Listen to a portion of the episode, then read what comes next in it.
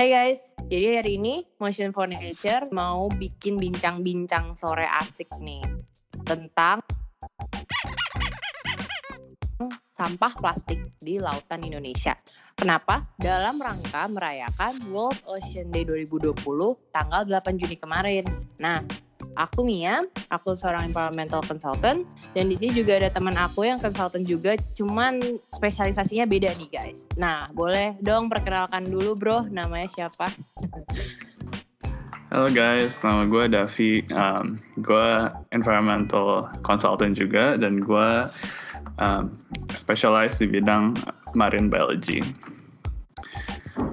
Nah, marine biology untuk awal-awal nih, untuk cari tahu dulu nih basic-basicnya marine biologist tuh jadi pelajarin apa sih Dav? Jadi marine biologist itu um, kita fokusnya ke biologi dan kebetulan ekosistem yang kita dalamin itu tentang uh, laut. Nah ini tuh bisa nggak um, terbatas oleh binatang-binatang yang di laut doang, tapi misalnya kayak kadang cuaca yang bisa ngefek ekosistem laut ataupun kayak misalnya um, kayak fisheries dan um, pendapatan kayak orang-orang di laut juga itu bisa kita pelajarin. Berarti pokoknya intinya kayak saintis tapi untuk yang berbau-bau laut lah ya ekosistemnya. Iya betul.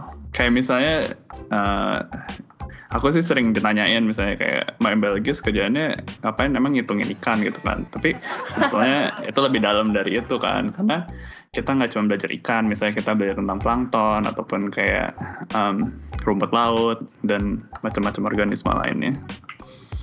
Waduh tuh guys ya. Jadi dia mereka bukan para nelayan berstatus S1 guys tapi juga pelajarin tentang ekosistem laut dan sebagiannya yang sudah Davi katakan.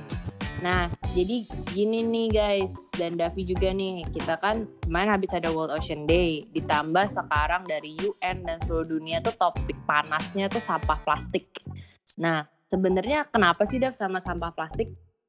Oke, okay, um, jadi personally menurut uh, aku tuh uh, sebenarnya di laut ini banyak masalah kan, kayak ocean acidification, overfishing, ada phytoplankton blooming. Tapi dari semua masalah itu, yang paling relatable dan yang paling mudah diubah itu adalah uh, sampah plastik.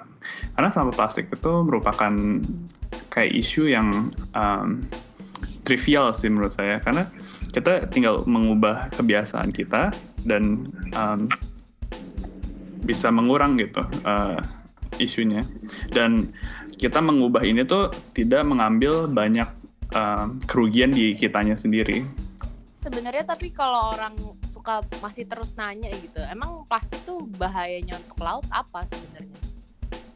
Jadi tuh um, plastik mungkin kalau misalnya kalian ngeliat berita ya kayak ada penyu yang makan plastik atau misalnya paus yang isi perutnya plastik kan mungkin kalian oh kasihan aja kan. Tapi mungkin kalian gak mikir kalau misalnya oh dampak kita apa gitu kan. Sebenarnya dampak ke kitanya banyak. Misalnya kayak jadi tuh kayak yang saya pernah dengar saya um, masih belum uh, pasti dengan angkanya tapi kayak 80% dari uh, plastik-plastik yang di laut itu sebetulnya bukan plastik-plastik kayak kantong plastik, bukan uh, yang besar-besar yang kita bisa lihat kan, tapi lebih ke yang namanya mikroplastik.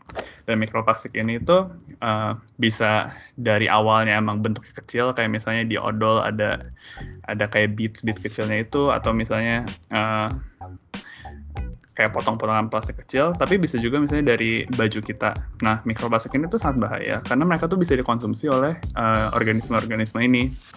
Dan kalau misalnya kita mau makan ikan, uh, mikroplastik ini tuh bisa sampai di ikan tersebut yang kita makan. Nah, masalahnya itu mikroplastik ini sangat kecil, jadi kita nggak bisa lihat dan kita makan plastik ini gitu jadinya. Wah, ternyata guys dari baju kita aja bisa nyampe ke ikan yang kita makan atau misalnya udang ataupun segala macam yang di laut gitu berarti bisa juga kan Dap? Iya betul plastik, betul. Plastik kecil ini justru um, kayak saintis-saintis yang research-research yang aku baca itu um, kebanyakan tuh ada di udang ataupun kayak um, makan makanan kita lebih kecil misalnya kayak kerang gitu. Karena mereka tuh um, makanan aslinya kan sebetulnya mereka nyar nyaring air kan. Jadi kayak mereka lebih banyak kena plastik ini hmm, jadi berarti nih plastik ini serius banget deh ya kayak nggak bisa orang cuman cuek-cuek aja mikir dengan mereka udah buang uh, plastik pada tong sampah pada tempatnya aja udah beres berarti sebenarnya mereka bisa lah ya melakukan lebih dari itu. Iya jadi menurut aku sih kalau misalnya plastik itu lebih baik kita uh, mitigasi jadi kayak misalnya kita lebih banyak ngurangin plastik dibanding kalau misalnya kita udah pakai plastik di kita buang ke tempat yang benar karena di Indonesia menurut saya kayak recycling pun masih belum efektif jadi kayak walaupun kayak kalian uh, bilang kalian udah recycle plastik itu di tempat yang benar, uh, lebih baik kan kalau misalnya emang dari awal kita nggak pakai plastik sama sekali. Bener banget. Ber Wah, kaget juga nih dengar kayak gini ternyata dari baju bahkan dari odol aja dengan pemakaian yang semuanya hari gini kan serba plastik ya semuanya. Dan ternyata efeknya uh, besar juga tuh. Dan terutama ya kalau memang manusia cuma berpikir untuk manusia dulu itu aja udah bahaya untuk kita. Nah kalau untuk bahayanya untuk ekosistem laut sendiri nih tanpa kalau tadi kan efeknya ke manusia, kalau sekarang untuk uh, efeknya ke makhluk-makhluk lautan yang di ekosistem dan juga berarti keindahan laut Indonesia tuh uh, bisa dikasih tahu contohnya nggak Dev? okay. um, efeknya ke laut tuh lebih jelas sih dibanding ke ya, manusia pastinya kan. Kayak hmm. banyak-banyak kan video yang di yang pasti kalian juga kalau misalnya pernah ngikutin pernah lihat kayak yang penyu um, kemasukan sedotan di hidungnya atau kalau misalnya pernah lihat ada di Bali tuh ada orang diving yang isinya penuh sama sampah semua. Secara estetically kan emang jelek banget kan dan itu tuh kayak biasanya ngancurin tourism di sana karena pasti orang nggak mau dong berenang di antara sampah-sampah tapi on a, kayak bio, biologically kayak ekosistem gitu kalau misalnya plastik-plastik tersebut misalnya mengurangi sebuah populasi satu macam spesies kan bisa aja dia ngancurin balance ekosistemnya dan itu bisa aja mungkin ekosistem bisa kolaps jeleknya kan kayak gitu.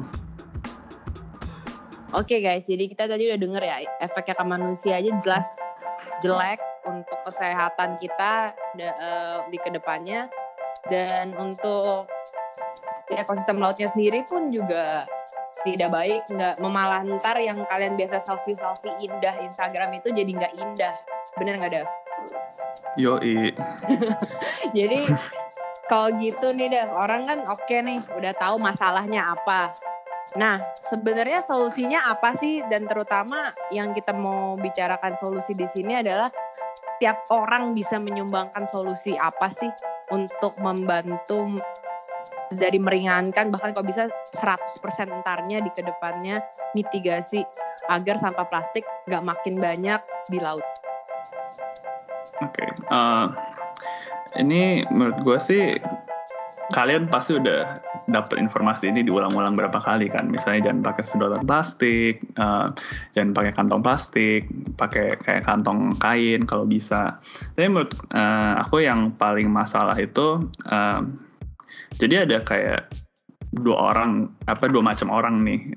Satu misalnya yang kayak super go green banget sama satu lagi yang kayak nggak peduli kan. Dan itu menurut saya itu kayak masalah intinya.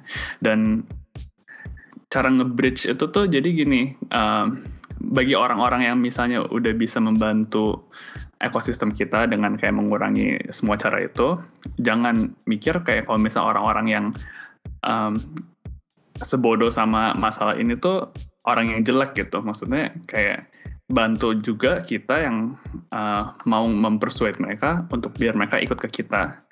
Jadi jangan kayak feel eksklusif gitu loh dan untuk orang-orang yang kayak mikir oh gue nggak peduli nih ini sama lingkungan kenapa gue harus ngebantu gitu kan ya jangan mikir gitu juga karena uh, kayak apa pun yang kalian lakuin walaupun kecil itu sebetulnya ngebantuin.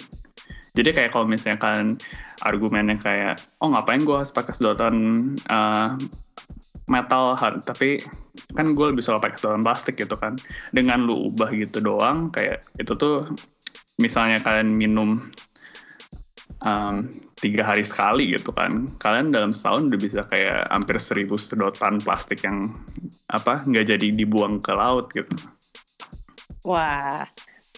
Bagus banget nih guys. Kita hari ini dengar insight yang sederhana tapi juga ya memang terus-terusan udah banyak banget kan kita lihat dari mau banyak Instagram tentang sustainable lifestyle lah, mau banyak dengan baca artikel, baca di koran, dan tapi inti anehnya tuh kita nggak pernah ngelakuin dan bener banget kayak kata Davi yang ahli jadi makin ahli tapi karena nggak peduli sama yang nggak gitu paham atau yang nggak gitu termotivasi untuk mengurangi sampah plastik jadinya ya sama aja seperti yang kayak kata Davi lakukan harus ada jembatan antara kedua hal itu dan berarti kuncinya juga mindset ya Dav.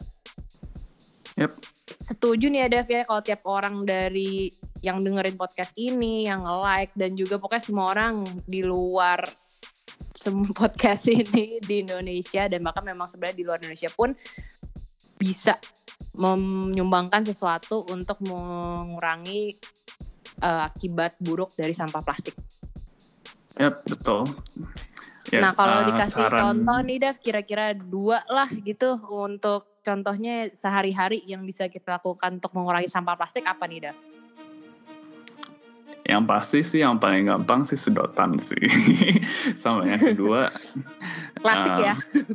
Iya, plastic bags itu sangat gampang juga sih untuk diubah. Jadi kayak daripada pakai apa uh, plastic bag mendingan pakai uh, reusable bag dan actually uh, kemarin DKI kayaknya baru ini ya baru nge-announce kalau misalnya di bulan Juli mereka bakal ngeban plastic bag.